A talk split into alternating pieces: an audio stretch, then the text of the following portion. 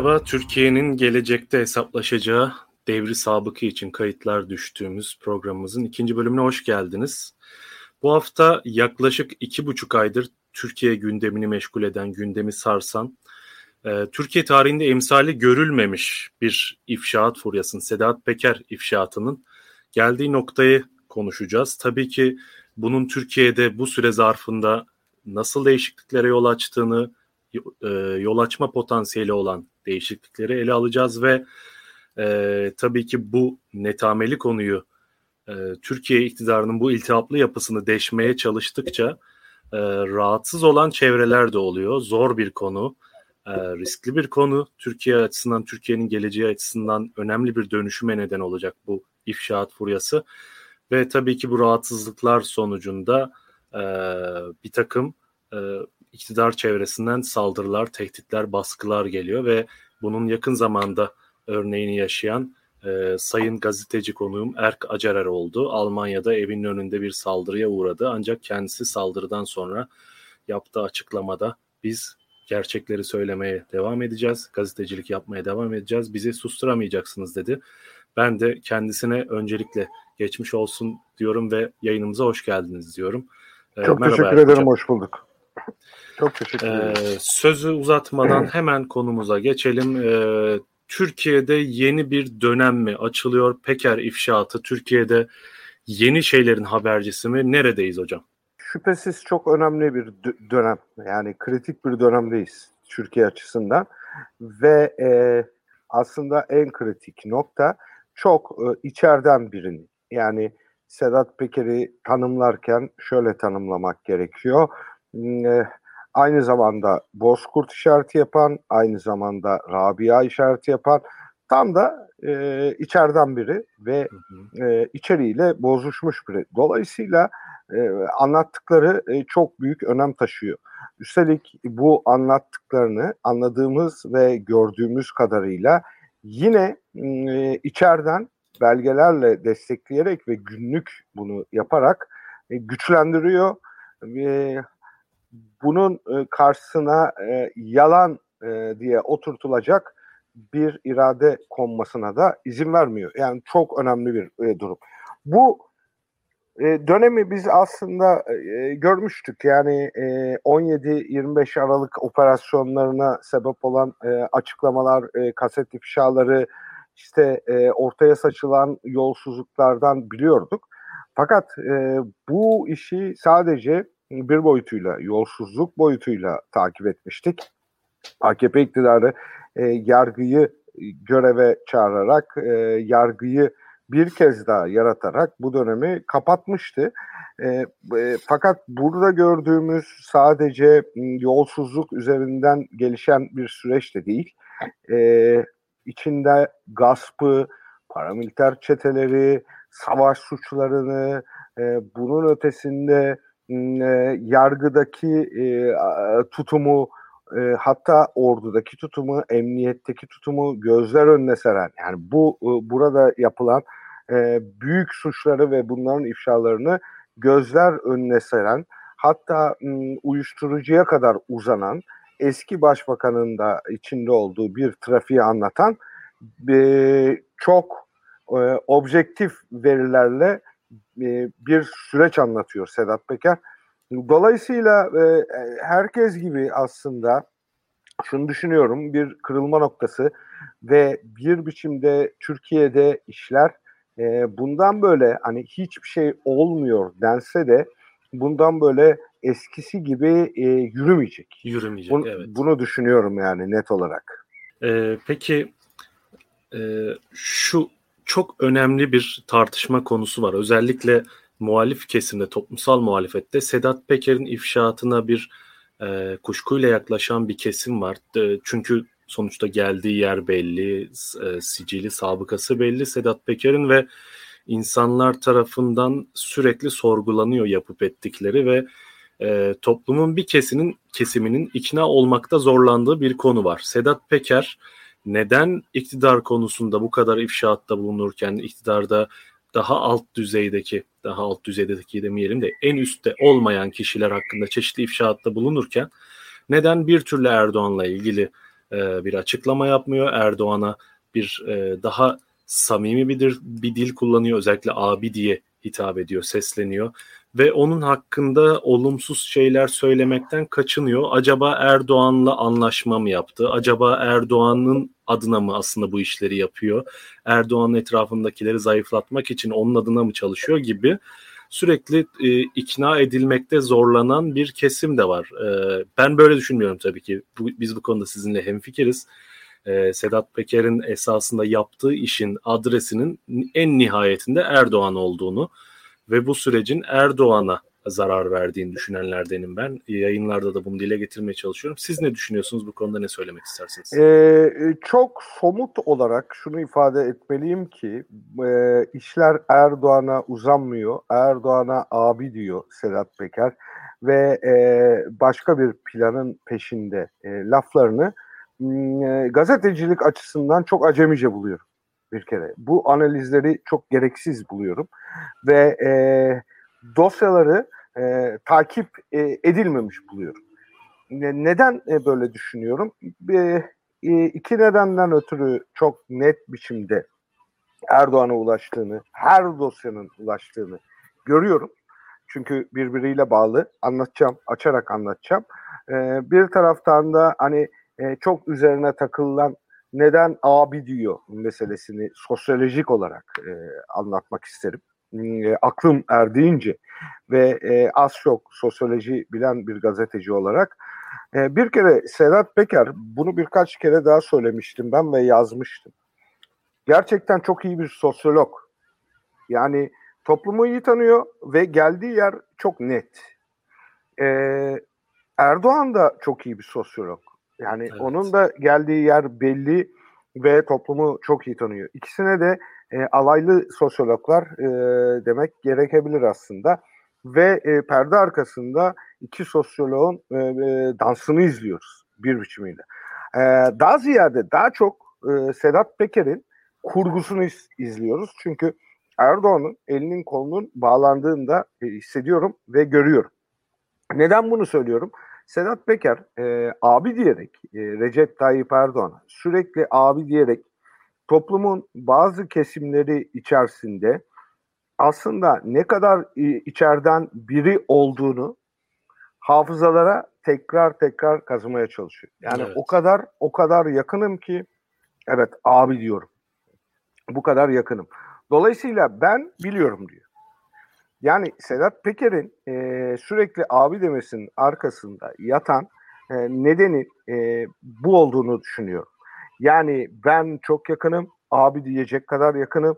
Biliyorum ve buralardan kuruyorum meseleyi. Bana ve itibar son, edin. Evet, son noktanın e, çok daha somut bir biçimde, ya bana göre e, şimdiye kadar çok somut uzandı ama çok daha somut biçimde ve isim vererek e, Erdoğan'a da ulaşacağını düşünüyorum. E, aslında e, helalleşme e, lafı bir tarafıyla da bir e, kabadayı racon. Yani e, evet. neden helalleşilir? Çünkü e, e, eksiler, artılar bir tarafa konur ve bunlar üzerinden bir tartışma açılır. E, helalleşme lafı da bana göre bu jargon içerisinde çok ağır bir tanım. Evet. Yani bu kabadayı Çünkü o bir nihai hesaplaşmadır. Aynen böyle bir hesaplaşma. Evet tam da söylediğiniz gibi. Şimdi gelelim Erdoğan'a uzanmıyor. Erdoğan'a bıraktığı meselesini. Sedat Peker en başından beri e, anlattığı her şey Erdoğan'a uzanıyor. Neden? E, birkaç nedeni var, birkaç bağlamı var bu işin. Şimdi bir tek adam e, sistemi kuruldu. Bu tek adam sistemi içerisinde anlatılan bürokrasideki, yargıdaki, e, bakanlar düzeyindeki her suç mutlaka ve mutlaka en tepeyi ilgilendirir. Çünkü bu evet. bir tek adam sistemi ve bir zincirin halkası. Yani şunu deme şansınız yoktur. Biz bu işleri bilmiyorduk, kandırılmıştık deme şansınız yoktur. Fakat e, bunun ötesinde ben Erdoğan'ın kandırıldığını falan da düşünmüyorum yani e, bu bir e, berek, e, beraber hareket tarzı. Nereden çıkarıyorum bunu? Şuradan çıkarıyorum. Sedat Peker sanıyorum ki dördüncü ya da beşinci videodan sonra e, çok önemli şeyler anlattı. Suriye'deki savaş suçlarına ilişkin şeyler anlattı. Ve oradaki yaptığı matematikte şunu söyledi aslında. Dedi ki yani çok somut olarak söyledi.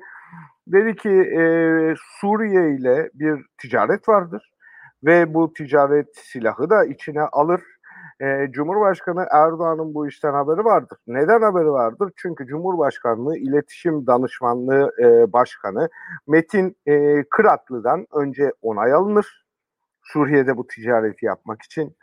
Ardından e, iki iş adamı vardır. E, işte e, bir Sancak ailesini söyledi, bir Öztürk ailesini söyledi. Bu e, tırnak Murat içerisinde... Sancak ve MT Grup. Evet.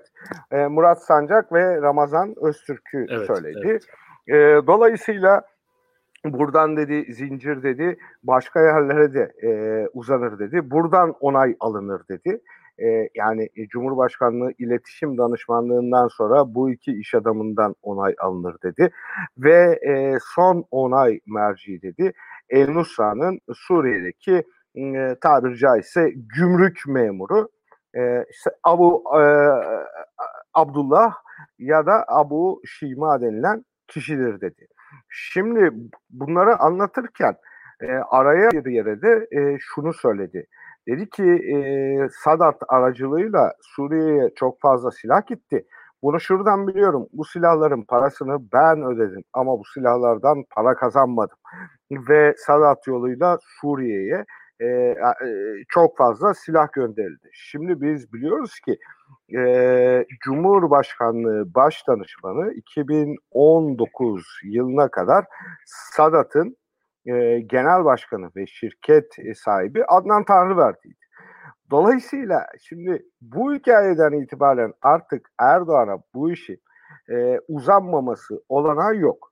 E başka hikayelerde de böyle olduğunu görüyoruz. Şimdi bakın e, Sedat Peker neden e, söz ediyor? İşte bir kere daha tanımlamakta yarar olduğunu görüyorum. E, gasptan söz etti değil mi? Yani birilerinin mallarına çökmekten söz etti, silahlardan söz etti, yolsuzluktan söz etti, limanlardaki uyuşturucu ticaretinden söz etti.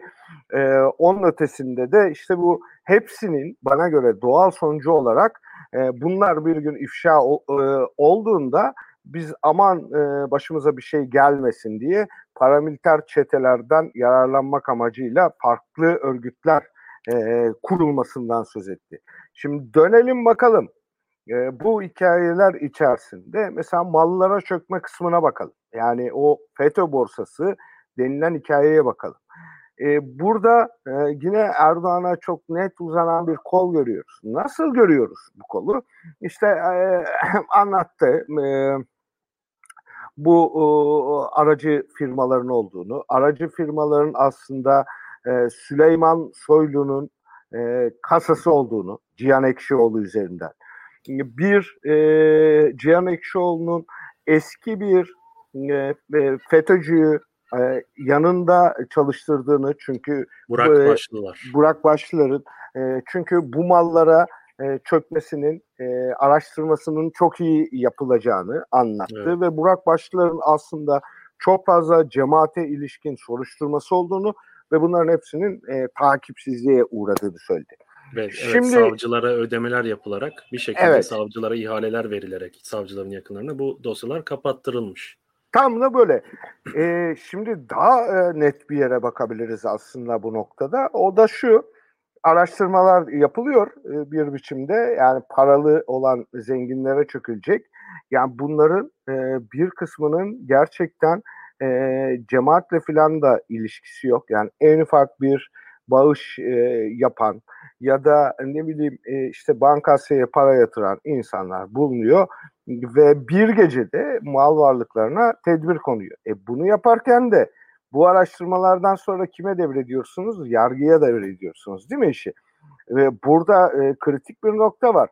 Yargıda biz neyi görüyoruz? İşte FETÖ borsasının kurucusu Cihan Ekşioğlu'nun aslında o dönemin Yargıtay Başkanı olan İsmail Rüştü Cirit'le fotoğrafını görüyoruz değil mi? Hem de Cirit'in bürosunda ve ona bir portre verirken üzerinde işte e, ne merhamet, e, ne adaletsizlik, e, ne merhamet, e, ne e, savsaklama, e, sadece adalet gibi yani bunu ön plana çıkaran bir şey görüyoruz ve e, bu kişinin bu bağlardan dolayı bu işin içinde olduğunu e, görüyoruz. Peki İsmail e, Rüştü Cirit kimdir? Bu soruya bakmamız gerekiyor. Erdoğan'ı tabiri caizse üç defa, birkaç defa ipten alan kişi. Yani ilk kez e, şiir okuduğunda takipsizlik e, veren kişi. E, ondan sonra e, yine e, Erdoğan'ın e, başı sıkışınca ona e, yol açan kişi e, ve ardından da e, biliyoruz ki e, Rize'de Erdoğan ailesiyle çay toplayan kişi. Şimdi bakın Süleyman Soylu deniyor ki bu e, FETÖ borsasını kuranın kasasıdır. Arada bir yargı mensubunu görüyoruz ve yargı mensubunun da e, Cumhurbaşkanıyla çok derin ilişkileri ve e, tanımlamakta sakınca görmüyorum. Bir dostluğu var. Yani onun e, yolunu açmış, ona yol vermiş e, bir vefa borcu olan e, kişiyle karşı karşıyayız. Ya bu ilişkiler kapsamında hani Erdoğan'a uzanmaması bu e, işlerin mümkün değil. Ve uyuşturucu trafiğini anlatalım. Uyuşturucu trafiği üzerinden de aynı sonuçlara çıkabiliriz. Yani Binali Yıldırım'ın yani bu işle bu işlerde ilişkisi varsa oğlu üzerinden bunun Erdoğan'la herhangi bir bağlantısı veya bunun Erdoğan'ın bilgisi dışında olması zaten ihtimal dahilinde Olanaksız değil. yani Türkiye Cumhuriyeti'nin bakın Türkiye Cumhuriyeti'nin son başbakanı bu. Ee, teknik olarak ve kurumsal olarak. Şimdi e, İzmir'de yol açılmış. Ulaştırma Bakanlığı yapmış bu kişi. bakın e, ikinci dosyayı hatırlamamıştım İsmail e, Rüştü Cürüt'te. Akbil e, yolsuzluğu evet, dosyası. Evet, Bunu e, kapatmış. E, bu dosyanın içerisinde biz Binali Bey'in de olduğunu biliyoruz. Dolayısıyla şimdi bunların hiçbiri kopuk değil ve e, bence e, yanlış okumaları beraberinde getiren şeyler.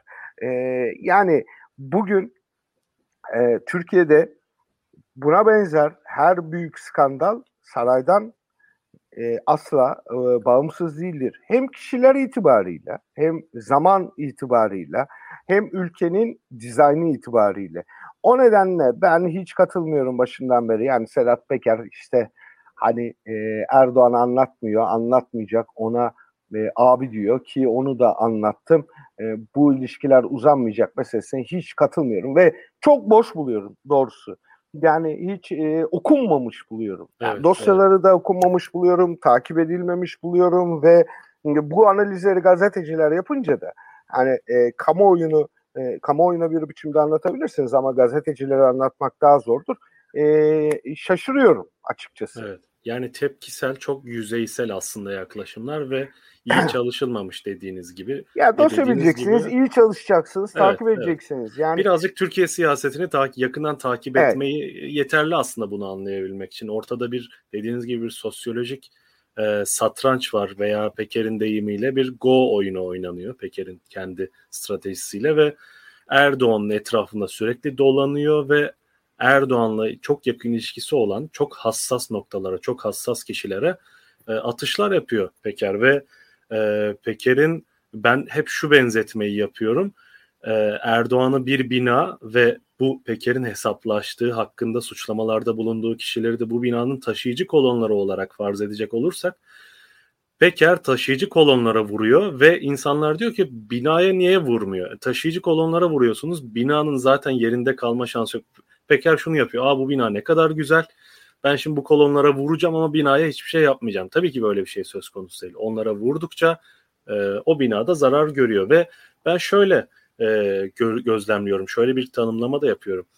Sedat Peker geldiği, tarihsel olarak geldiği ilişkiler ağına bakacak olursak, yetiştiği, içinde yetiştiği ilişkiler ağına bakacak olursak, özel bir eğitimden, özel bir deneyim e, kümülasyonundan, toplamından e, yetişmiş biri olarak bence devleti de çok iyi tanıyor ve yakın zamanda çok önemli bir ifade kullandı. Dün zannedersem tweetinde şöyle bir şey söyledi. Bu silahlar meselesi gündeme geldikten sonra efendim hükümet iktidar silahlarla bir şekilde ayakta kalmaya mı çalışacak? Seçimi kaybetse de koltuktan inmemek için çeşitli e, olağanüstü hal durumları yaratmaya mı çalışacak gibi iddialar tartışmalar gündeme geldi. Özellikle bu Esenyurt'tan Balat'a teslim edilen Kalaşnikovlar iddiasından sonra ve çok net bir şekilde iki kere şunu söyledi. Zaten bu da Erdoğan'ı mı destekliyor yok Erdoğan'ın karşısında mı bu boş tartışmayı bitiren şeylerden biri. Ee, seçimi kaybedeceksiniz ve oradan inip gideceksiniz diye hükümete açıkça seslendi ve dedi ki yok efendim işte silahlarla duracakmış sandı seçimi kaybetse de gitmeyecekmiş böyle bir şey yok. Paşa paşa gideceksiniz hatta Soylu'ya şöyle seslendi sen bizzat Yüce Divan'a gideceksin diye seslendi. Aslında bu çok iyi bir e, bütün tartışmaları bitiren bence bir ifade. Fakat buradan şuna bağlayalım istiyorum. Esenyurt'tan Balat'a gelen bir kasa Kalaşnikov iddiası Ahmet Onay tarafından üstü örtülü olarak orada bulunan Peker'in referans verdiği Ahmet Onay tarafından 15 Temmuz gazisi olduğu söylenen e, Ahmet Onay tarafından kabul edildi, onaylandı. Böyle bir e, silah sevkiyatı oldu. E, ben silahları görmedim dedi. Fakat e, tabii ki bu inandırıcı bir açıklama değil. Böyle bir Kalaşnikov sevkiyatı olduğu e, ifade edildi. Fakat mesele şu konu bu bir, kas- bir kasa Kalaşnikov'tan mı ibaret? Öyle olmadığı kuvvetle muhtemel. Yani Esenyurt'un Peker'in ortaya attığı iddialar, ilişkiler ağına da bakacak olursak Esenyurt'un ciddi bir bu anlamda e, kara para, kayıt dışı silahlanma, e, uyuşturucu ticareti, inşaat ihaleleri, yerel yönetimler üzerinden zenginleşme ve hatta bakanlığa giden ilişkiler ağı içerisinde çok kritik bir konumda olduğu, adeta bir e, kara delik olduğu, e, anlaşılıyor ve sevkiyatın Esenyurt'tan yola çıkmış olması, e, Esenyurt'un geçmişte birçok kirli ilişki ve e, ilginç tesadüflerle anılıyor olması. Örneğin Reyna katliamını yapan Maşaripov'un Esenyurt'ta Peker'in sözünü ettiği öz yurtları inşaata ait en şehir sitesinde yakalanmış olması çok ilginç bir tesadüf yine ve Esenyurt'ta bir birikim olduğu, bir yığınak olduğu anlaşılıyor. Şimdi bu silahlar ve kayıt dışı silahlanma meselesinde öyle anlaşılıyor ki mesele bu bir kasa Kalaşnikov'tan ibaret değil. Ee, bir de şöyle bir iddia vardı. Ee, işte 15 Temmuz'da kaybolan silahlar ve işte İçişleri Bakanlığı'nın ilan ettiği 100 bin küsür silah kayıp ilanı meselesi vardı. Bununla ilgili bir bilgi kirliliği olduğu söyleniyor. Farklı iddialar var. İşte bu bir istatistiksel hatadır aslında burada kaybolan 15 e, Temmuz'da kaybolmuş değil bu silahlar. Çok eskiden beri 80 yıldır kayıt altına alınmış olan kayıplar dendi. Fakat e, bakanlık açıklamasına karşın yani bakanlık 25 silah kayıp dedi e, o tarihte 15 Temmuz'da. Fakat e, bir silah dağıtımı olduğu o gece zaten birçok kaynak tarafından da teyit ediliyor. Şimdi bu silah, dağıtılan silahların akıbeti ne oldu? Bunlar e, kayıtlara işlendi mi, geri döndü mü, bunların durumu nedir? E, Peker'in ortaya attığı kayıt dışı silahlar vesaire. Yani böyle bir paramiliter silahlanma iddiaları da var. Bu ciddi bir suç dosyası teşkil ediyor. Aslında şu an ciddi bir iddianame konusu teşkil ediyor. Bu konuda ne diyebilirsiniz? Şimdi şuradan baş e, söyleyeyim e, çünkü betimlemeniz çok hoşuma gitti. Yani bir bina ve e, binanın e, ayaklarına, kolonlarına vurmak aslında Erdoğan meselesi çok doğru. Ve bu ifadeyi şununla birleştirip ortaya koyabiliriz aslında. Sedat Peker ilk videodan itibaren ne diyordu? Parça parça koparacağım. Ve biz aslında parça parça kopardığını da gördük biliyor musunuz? Yani e, e medyada kopardı, yargıda bu ifşaatları gözler önüne serdi. İşte e, Alaaddin Çakıcı Kıbrıs'a yerleşti. Korkut Eken e, ismi kayıtlara geçti. Evet. E, dolayısıyla hem yargıda hem de e, medyada tuhaf şeylerin olduğunu ve bundan sonra da olacağını görebiliyoruz. E, o nedenle e, e, bir karşı saptamada Erdoğan'a uzanmıyor meselesinde budur. Şimdi kayıp silahlar meselesine gelelim. Burada da açık açık söyledi değil mi Sedat Peker dün sanıyorum attığı tweetlerde bu vatanın delilleri var dedi. Şimdi bu aslında başka bir şey daha gösteriyor. Bir mesaj veriyor. Evet bu şunu da gösteriyor. AKP e, ve MHP arasında bir kavganın olduğunu görüyoruz biz artık. Hı hı. Bir e, uzlaşamama hatta bir hesaplaşma durumunun olduğunu görüyoruz. Ama AKP içerisinde de e, buna benzer dengeler ve bir kavga var. Keza MHP içerisinde de bu tip e, inatlaşmaların olduğunu düşünüyoruz. Yani çok katmanlı bir çatışma iklimi var iktidar arasında. Bu da Sedat Peker'in aslında bir kırık yarattığını ve e, bu bloklara karşı içeride, içeriden kastım yargıda, emniyette, hatta MİT'te, e, orduda e, farklı düşünenlerin oldu ve bunu açık açık söylüyor. Dolayısıyla hiç evet. bu işe heveslenmeyin diyor. E, şimdi kayıp silahlar e, konusunda şunu söyleyebilirim. Tabii ki çok büyük skandal. Skandal bir kenara çok büyük bir suç. AKP'li Mahir Ünal e, bugün bir açıklama yaptı. Dedi ki işte kayıp silahları gündeme getirmek 15 Temmuz'u itibarsızlaştırıyor. E, hayır, e, 15 Temmuz'u ya da sizin algıladığınız yani o 15 Temmuz neyse onu bilemiyorum tabii. E, itibarsızlaştırmıyor. Sizi net olarak çok e, fazla suçlu duruma getiriyor. Ve buradan e, şunu da e, bir kere de AKP, MHP iktidarına tavsiye olarak vermek durumundayım. Daha fazla da e, suç işlemeyin. Yani zaten yeterince suç var. Bunlara yenilerini eklemeyin. E, e, dökülecek e, en ufak kanın çetelesi de size yazılacak. Evet, Bunu şu an net, bir yerlerde dosya bir yerde, tutulmaya başlandı. Evet bir yerde eğer e, sıkıntılı bir durum olursa işte bugün HDP binasına saldırıldı. Bunun kaydı tutuldu. Bunun faillerini biliyoruz. E, Deniz Poyraz e, e, öldürüldü. Bunun faillerini biliyoruz.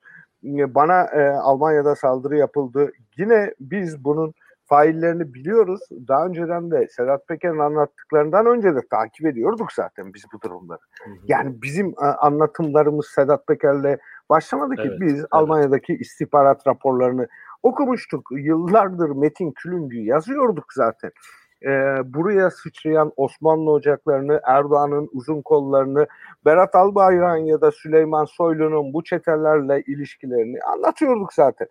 Ee, şimdi ortaya daha somut bir şeyler koyma şansımız oldu ve anlattıklarımızın aslında içeriden e, birileri tarafından ne kadar da e, e, doğru bir biçimde anlatılmış olduğunu e, topluma, kamuoyuna ve kendimize de gösterdi doğrusu. Şimdi silah meselesi çok büyük bir suç. E, işte siz de anımsattınız.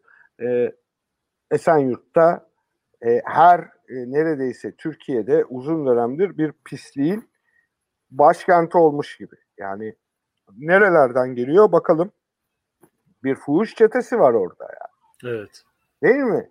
Ee, yani hani e, AKP iktidarı böyle çok şeydir e, dinle ahlakla prim yapmayı çok sever ama e, biz e, görüyoruz ki orada e, bir artı bir evlerde özendirmeyle başlayan bir fuhuş ticareti olayı da dönmüş. Onun ötesinde e, işte silah meselesi olmuş, uyuşturucu, işit meselesi biz çok takip ettik. Evet Esenyurt'ta ilk Reyna katliamının izini sürdüğümüzde bu adamların Esenyurt'ta saklandığını e, görmüştük. Dolayısıyla bir suç e, cenneti yapmışlar orayı. Ve e, yine başından beri söylediğimiz şeyler de aslında teyit edildi. Yani e, AKP'nin paramiliter e, milisleri var ak milisler var. E, zaman zaman MHP ile tabanda ortak yürütüyorlar bu ilişkileri evet. ve biz bunları gördük aslında. Yani nerede gördük? Çok somut örnekler verebiliriz yani. Yol verilen bütün ilişkilerde gördük. Sadece ak milisler üzerinden görmedik ki işit bağlamındaki ilişkilerde de gördük. Yani Ankara katliamını hala e, araştırmaya çok değer buluyorum. Çünkü 62 istihbarat raporu vardı Ankara'da ve hiçbiri dikkate alınmadı. Şimdi burada büyük bir sıkıntı var. Sadece paramilitarizm üzerinden de okunmayacak bir sıkıntı var. E, dönelim darbede neyi gördük? Yani biz Suriye'deki gibi bir kafa kesme pratiğini gördük. Yani darbe olur. Siz e, bunu bir biçimde engellersiniz e, ve e, silahlarını bırakmış kişilerin Kafasını kesmeden yaparsınız ama bunu. Bu pratiği gördük. Kemerle adam döven, sopayla adam döven cihadistleri gördük. Demek Zaten ki, darbeden önce MIT'e ihbar gittiği aynı gün yani 15 Temmuz'un öğleden sonrasında bu çok tartışılacak bir konu zaten. Hı hı, evet yani bu ihbarda zaten, bulunduğu ve engellenmediği ortaya çıktı. Evet. Mesela. Yani, e, yani ben bunu hep şey diye değerlendiriyorum. Hani e, buna hem AKP'liler hem cemaatçiler kızıyor ama benim verilerim ne yazık ki e, bu yönde bir darbe gerçekleşti. Fakat bu yol verilen bir darbeydi. Ben bunu tiyatro olarak okumuyorum. Yol verildi çünkü üzerinden o Allah'ın lütfu denilen bir biçimde nemalanılmak istediği için yol verildi. Dolayısıyla e, iki, ölen 251 yurttaşımızın da e, acısının e, çok daha büyük olduğunu e, aileleri tarafından e, zaman geçtikçe çok daha net hissedileceğini düşünüyorum. Çünkü bu insanlar bu okumaya göre e, kurban seçildiler ve e, sözünü ettiğimiz gibi işte cihadizm pratikleriyle öldürüldüler. Şimdi gelelim e, İstanbul'daki bu silahlardan sonra bunların kayıtsız silah olması da çok önemlidir aslında yani. Kayıtsız silah şu demektir. Kayıtsız silah üzerinden birileri para kazanır. Yani biz bilmiyoruz ki. Yani bize biz AKP, MHP iktidarının artık söylediklerine inanmıyoruz ki. Üç silah kayıp, beş silah kayıp meselesine. Ben çok fazla sayıda silah kaybı olduğunu düşünüyorum. Bu silahların e, geliş e, yerlerinin ilginç noktalar olduğunu eski Doğu bloku ülkeleri gibi, eski Yugoslavya gibi e, ülkeler gibi yerler olduğunu düşünüyorum ve buraların buralardan bu ticaretler yapılarak bir yandan da e, bir havuz kurularak bunlardan nemar alındığını, e, rant alındığını düşünüyorum. Bu işleri yüzden... en iyi bilebilecek isimlerden biri aslında Peker. Kendisi bu ilişkiler ağının en önemli yürütücülerinden biriydi. Yani Balkanlardaki üst düzey devlet yöneticileriyle olan ilişkilerindeki aslında referans noktalarından biri de buydu. Dolayısıyla bu konuda çö- söyleyecek daha çok sözü olduğuna ben eminim. Aynen, aynen öyle. Aslında söyledi de şunu söyledi. Bakın ben Sedat Peker'in e, biz Sedat Peker'le çok kavga ettik yani gerçekten çok kavga ettik. Ama e, Sedat Peker'in şu açıklamasını da çok doğru ve dürüst buluyorum. Yani öyle hissediyorum. Mesela diyor ki e, işte kimle konuşuyordu? E, Ekşi soyadlı bir kişiyle Cumhurbaşkanı'nın da Serdar uzak... Ekşi. Serdar, Serdar Ekşi ile. Diyordu ki bu çok önemli bir ifade. Kardeşim biz bundan para kazanmadık. Ya sen kazandın ben kazanmadım. Sen de kazanmadın. Ya kim kazandı? Bu mesele çok kritik ve çok önemli. Biz silahların nereden geldiğini biliyoruz. Bu silahların bu geldiği yerlerde de bu işlerin rant olmadan dönmediğini biliyoruz. Ve e, isim isimde aslında bu silah trafiğinin, bu silah ticaretinin içerisinde kimlerin olduğunu kimler tarafından da sonraki kararlarda legal hale getirildiğini de biliyoruz.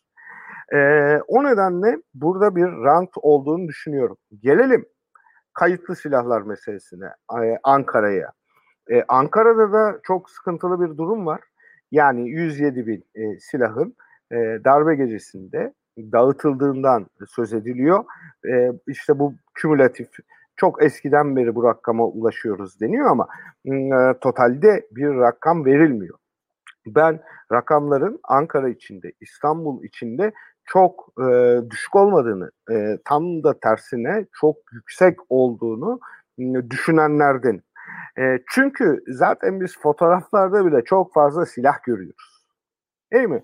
E, AKP gençlik kollarında, darbe gecesi, şimdi birazdan anlatacağım meseleler gibi darbe gecesi işte e, bir takım yerlerde olanların elinde çok fazla sayıda silah görüyoruz. Bu da silahların e, aslında çok düşük miktarda hem kayıtlı hem kayıtsız olarak e, dağıtılmadıklarını gösteriyor. Yani e, büyük miktarda dağıtıldıklarını gösteriyor.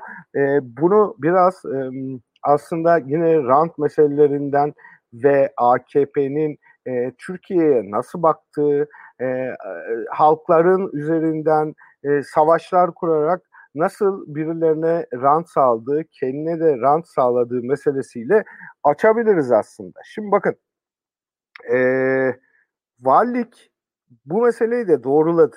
Yani e, darbede kayıp silahlar yani bizim e, dağıttığımız silahlar var dedi ve bu silahlar geri dönmemiş dedi. E, biz bunu iddianamelerde de gördük.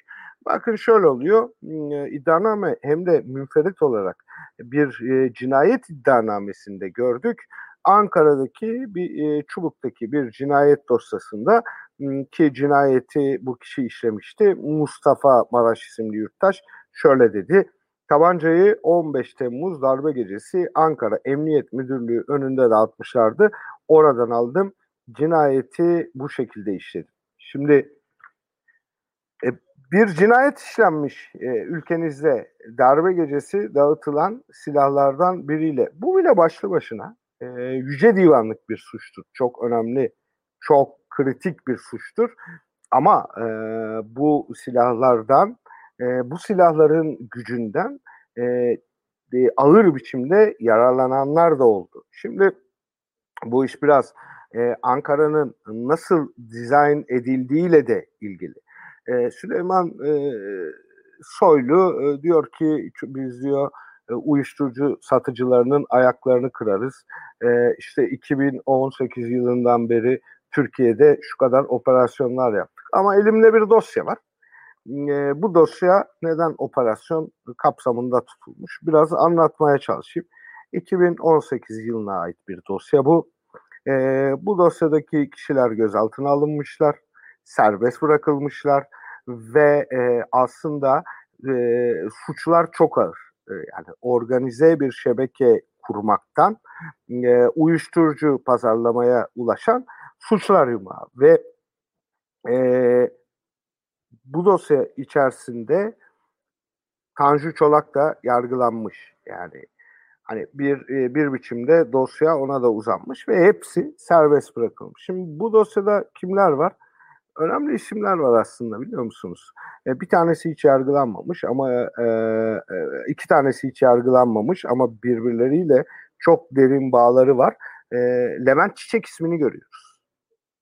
Levent Çiçek e, AKP teşkilatlarından gelen birisi ve e, MİT Müsteşarı Hakan Fidan'dan Binali Yıldırım'a, Süleyman Soylu'ya kadar çok geniş arşivi olan birisi. Birincisi bu. Biz e, TRT binasındaki baskında bu kişiyi görüyoruz. Bakın TRT binasına e, yapılan baskınla ilgili şu söyleniyor ki Sadık Soylu, Süleyman Soylu'nun yakın akrabası yönlendirdi Ankara'daki TRT binası. Aynı zamanda Sadık Soylu e, imar işlerini yürüttüğü Aynen öyle. Peker. Evet. Yani çok acayip bir yere geleceğiz. Biz Levent Çiçek'i görüyoruz değil mi? TRT binasının önünde yani Süleyman Soylu'nun e, yakın akrabasının ve imar işlerini organize eden e, kişinin yakını olarak, Sadık Soylu'nun yakını olarak e, yanında İsmail Altınok'u görüyoruz. E, elinde bir tüfekle e, ve e, e, İsmail Altınok'un da e, AKP ve MHP ilişkileriyle ön plana çıktığını görüyoruz. Bir önceki seçimlerde AKP milletvekili aday adayı. Ve şunu söylüyor, biz e, polislerle o gece silahlarla nöbet tuttuk diyor. Fakat e, Levent Çiçek'in içinde olduğu bu dosyada dosyanın içine alınmayan çok önemli bir ismi daha görüyoruz. Bu ismin, e, bu da e, Ayhan Bora Kaplan. E, ilginç bir isimdir, e, çok genç bir isimdir ve e, çok e, zengin bir kişidir. İşte çok pahalı arabalarla poz verir. Yine darbe gecesi elinde silahları tutanlardan biridir. Hem bu ekiple beraber hareket eder hem de yine Sadık Soylu'nun yönlendirmesiyle oraya geldiği iddia edilen kişilerden biridir ve e, resimlerde de elinde fotoğraf vardır. Ama esas mesele bu kurgunun e, nereye ulaştı? Şimdi çok şatafatlı bir yaşam, paranın kaynağı belli değil e, ve Melih Gökçek'e kadar uzanan ilişkilerin olduğu söyleniyor ve birçok e, şaibede adı geçiyor. Birçok e, uyuşturucu iddiasında adı geçiyor. E, ölçüsüz para harcadığını görüyoruz ve e, bir kere daha söyleyeyim diğer isimlerle yan yana olduğunu görüyoruz. Aslında e, Ankara'da gece hayatı Erzurumlu bu ismini söylediğim kişi Erzurum e, Karayazılı. E, aslında bu kişinin e, Haymanaların Haymanalıların elinde olan gece hayatını bir biçimde ve zikredilen isim e, yine Sadık Soylu ve Süleyman Soylu'nun e, oğlu Engin Soylu bu etkiyle Haymanalıların elindeki gece hayatını ele geçirdi ve e, Ankara'da e, bir narko tefe imparatorluğu kurdu. Bunun ne olduğunu da e, anlatacağım. E, ve e, 15 Temmuz'dan sonra da e, yükselişini e, çok e, e, fazla ileri götürdüğü bizim bulabildiğimiz e, aktarılanlar e, çevresiyle e, görüşmelerimizde ortaya çıkanlar arasında bu silah meselesinin bu silahların bir bölümünün saklanması meselesinde bu ekip tarafından yapıldığını düşünüyoruz ve buna ilişkin de verilerimiz var. E, narkotefe imparatorluğu ne demek? Narkotikten kazanılan paranın e, Ankara'da iflas etmiş iş sahiplerine yüksek faizler verilerek onların bu paraları ödeyememesini sağlayıp binalarını holding mal varlıklarına çökmek yani. Şimdi bakın e, bir uyuşturucu trafiği, bir silah trafiği ve e, bu trafik e, sadece e, uyuşturucu ve silahla e, sınırlı kalmıyor. Bir de gece hayatına yöneliyor. Yani Ankara'da bütün eğlence dinamikleri e, eğlence dinamiklerinden kastımız elbette e, içine içkiden uyuşturucuya, fuhuş sektörüne kadar evet, her şeyi evet. alabilir. E, e, elde tutulması demek. Ve e, tabii şimdi, ki narkotik de bu işin önemli bir parçası. Evet. E, şimdi narkotik meselesine gelelim ve soralım şu soruyu.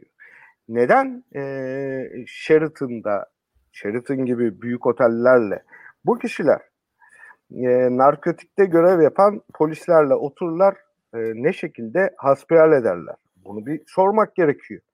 Bunun ötesinde şunu sormak gerekiyor.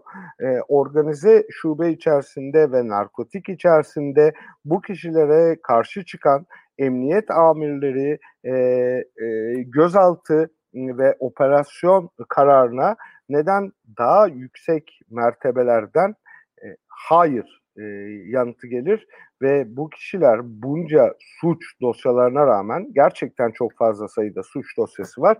Neden gözaltına bile alınmazlar? Bunları kim korur? Şimdi bakın e, burada yargıdan gece hayatına, eğlenceye, uyuşturucuya giden çok yoğun bir trafik var.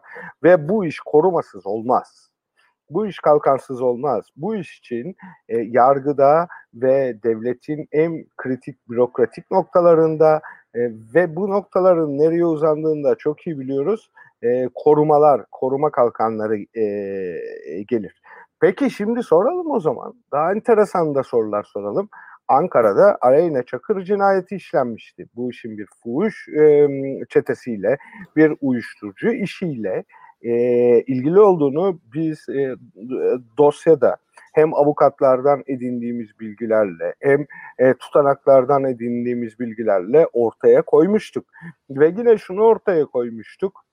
Bu tip kişiler işte Aleyna Çakır'ın e, katili gibi, Ümitcan Uygun gibi kişiler her zaman Annesi ee, de öldürülmüştü kısa evet, sonra. Bir biçimde bir biçimde bürokratlarla, bakanlarla, e, onların yakınları bakanlarla bir biçimde ilişkileri ortaya çıkmıştı.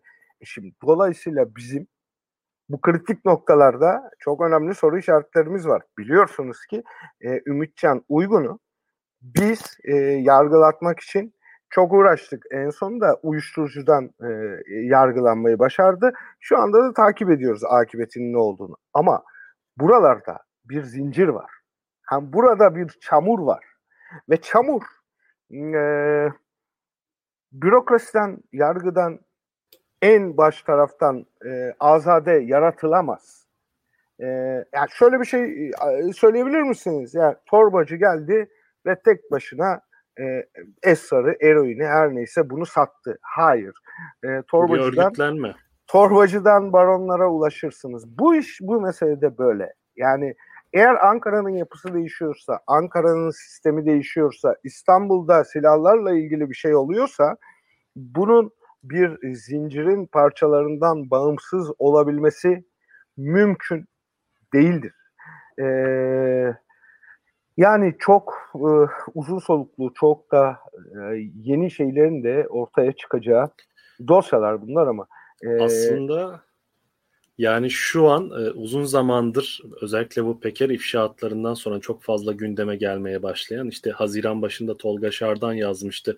Adli emanette Soylu'nun dosyası var ve o gece kimlerle neler yaptı? 15 Temmuz gecesinde kimlerle buluştu neler yaptı diye birazcık daha böyle tartışılmaya gündeme gelmeye başlayan bir meseleye dair şu an o dosyanın içini açmış oldunuz burada ve o isimleri e, ortaya saçtınız bir nevi. Kimler var bu ilişkiler ağında? Yani bir Aleyna Çakır cinayeti ve Ümitcan Uygun meselesiyle ilgili de çok fazla söylenti vardı ve oraya da bağlandığını burada ortaya koymuş oldunuz. Fakat tarif ettiğiniz ilişkiler ağı o kadar korkunç ki bu şuna çıkıyor. Yani devletin en üst kademeleri ne nüfuz edebilmiş bir çeteden bahsediyoruz. Aslında bir torbacı vesaire falan gibi işte fuhuş yaptıran işte e, Ankara'da gece hayatını yöneten e, silah kaçakçılığı yapan veya kayıt dışı silah bulunduran kişiler meselesi gibi çok adi suçlar gibi görünen şeyin aslında çok derinlerde ve siyasi iktidara kadar uzanan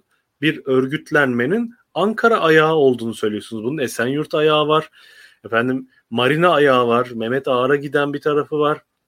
Bahçeli ile İzmir ayağı var. İzmir ayağı var. Bahçeli'ye çıkan bir tarafı var. Alaaddin Çakıcı meselesi var. Yani çok korkunç, kom- kompleks bir network'ün, bir çeteler ilişkiler ağının e, siyasi iktidara nüfuz ettiğini şu an aslında çok somut örnekleriyle bir şekilde anlatmış oldunuz. Peker'in anlatımları da aslında birazcık buna işaret ediyordu ama e, bu anlatımları değiştikçe Peker'in aslında henüz anlatmadıklarını da hesaba katıp bunların arkasını aramaya başladıkça e, muazzam bir suç dosyası, kabaran bir iddianame henüz şu an savcılar yargı harekete geçmiş olmasa da şu an biz halk olarak kendimiz toplumsal muhalefet olarak aslında yargının görevini yapıp bir iddianame hazırlamaya çalışıyoruz bir yandan. Yani bu devri sabıka ilişkin ve inanılmaz yani anlattığınız şeyler. Yani şöyle şöyle söyleyeyim, bunu çok net ifade edeyim. Ee, e, hani bize bunları anlattığımız için e, işte sevmem o lafı da tırnak içerisinde terörist diyorlar, vatan hain diyorlar. E, gerçek teröristlerin, vatan hainlerinin kim olduğuna e, çok yakın zamanda mahkeme salonlarında e, ve açıkça söylemem gerekirse bizim dosyalarımız üzerinden kamuoyu e, çok daha net vakıf olacak. Hmm, çünkü e, zannediyorlar ki hani biz bu e, arşivleri, bu kayıtları, bu dosyaları bilmiyoruz. Bu dosyaları bildiğimiz gibi paylaşıyoruz yani e, hani e, klasik bir laf vardır gazeteci belge saklamaz ya da devrimci belge saklamaz. Ben hiçbir zaman saklamadım yani belge tutmadım bunları paylaştım zaten. Bunlar e, bir biçimde dosyalanmış haliyle de mahkeme salonlarında e, yüzlerine okunacak suçlamalar. O nedenle diyorum ki daha fazla e, suç işlemeyin ki daha fazla suç e, yüzünüze e, okunmasın ve bunu yaparken de tabii ki e, düzelmiş bir yargı eliyle e, Türkiye'de olacakları söylüyorum. Bu bir tehdit filan anlamı da içermesin.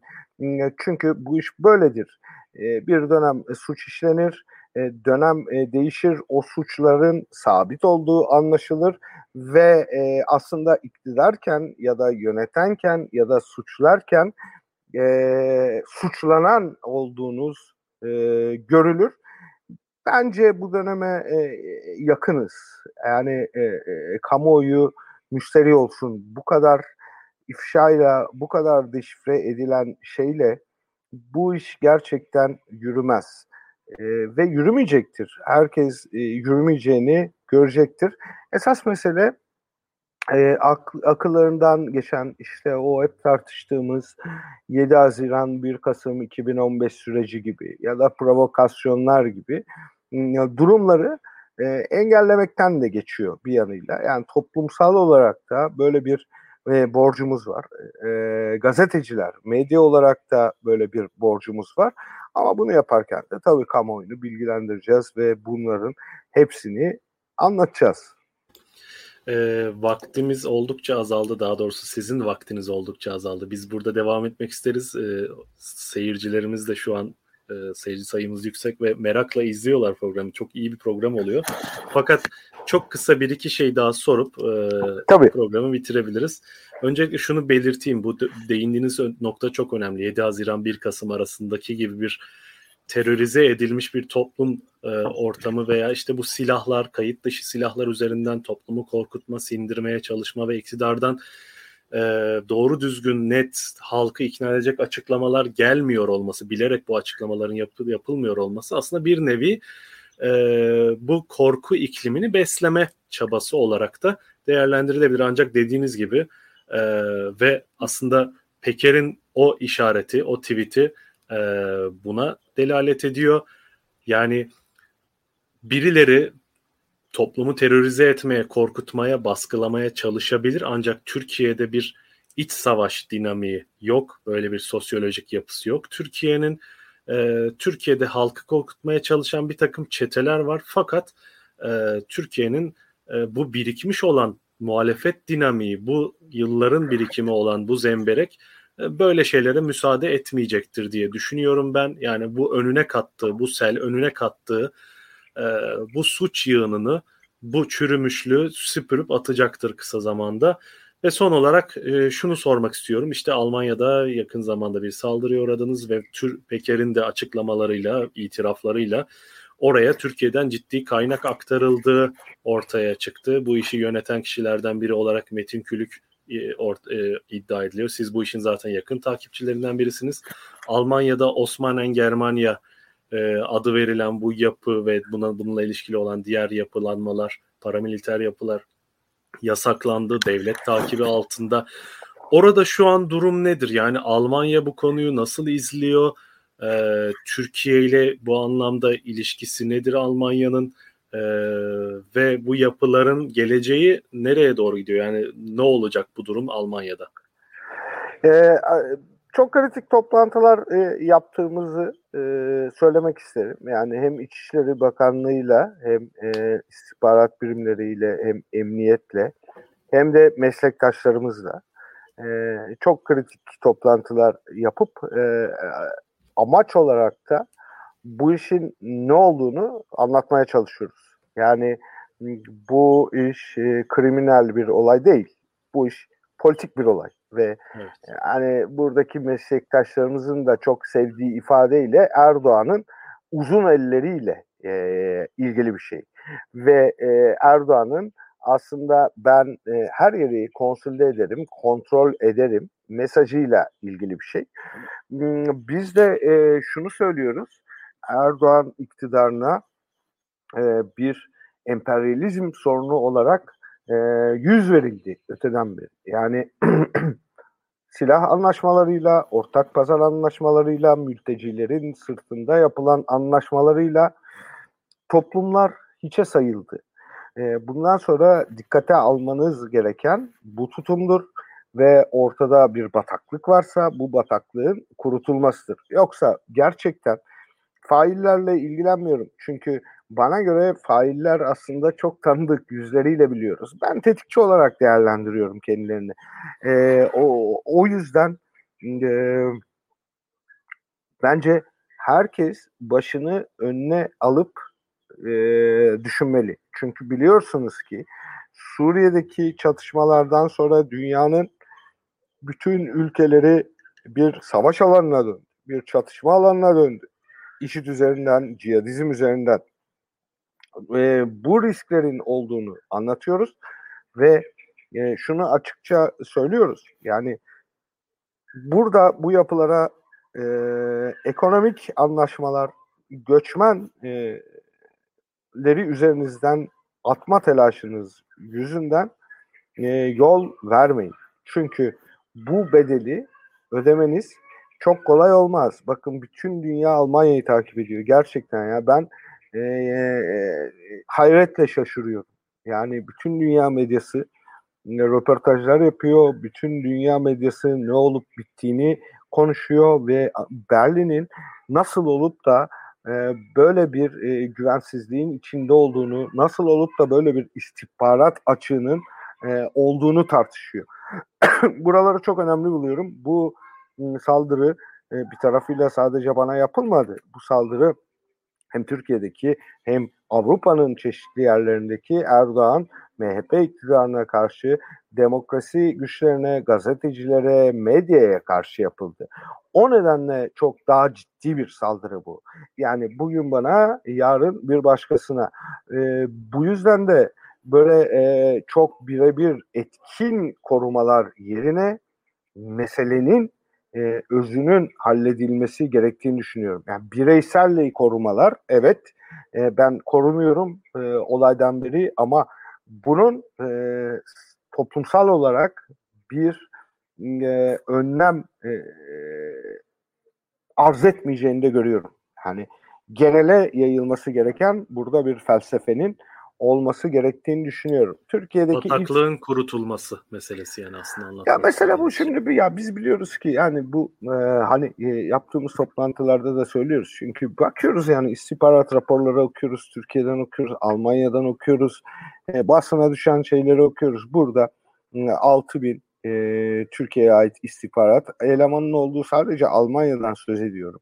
Söyleniyor ee, onun ötesinde bu kişilerin işte camiler gibi yerlerde, bu kişilerin dernekler gibi yerlerde işte e, 2014-2018 yıllarında bu Almanyalı e, Osmanlılar gibi birimlerde örgütlendikleri söyleniyor ve e, hani burada bir çatışma e, iklimi yaratılıyor muhaliflere karşı yaratılmış da yani 2014'te biz görmüştük Almanya'da bunları.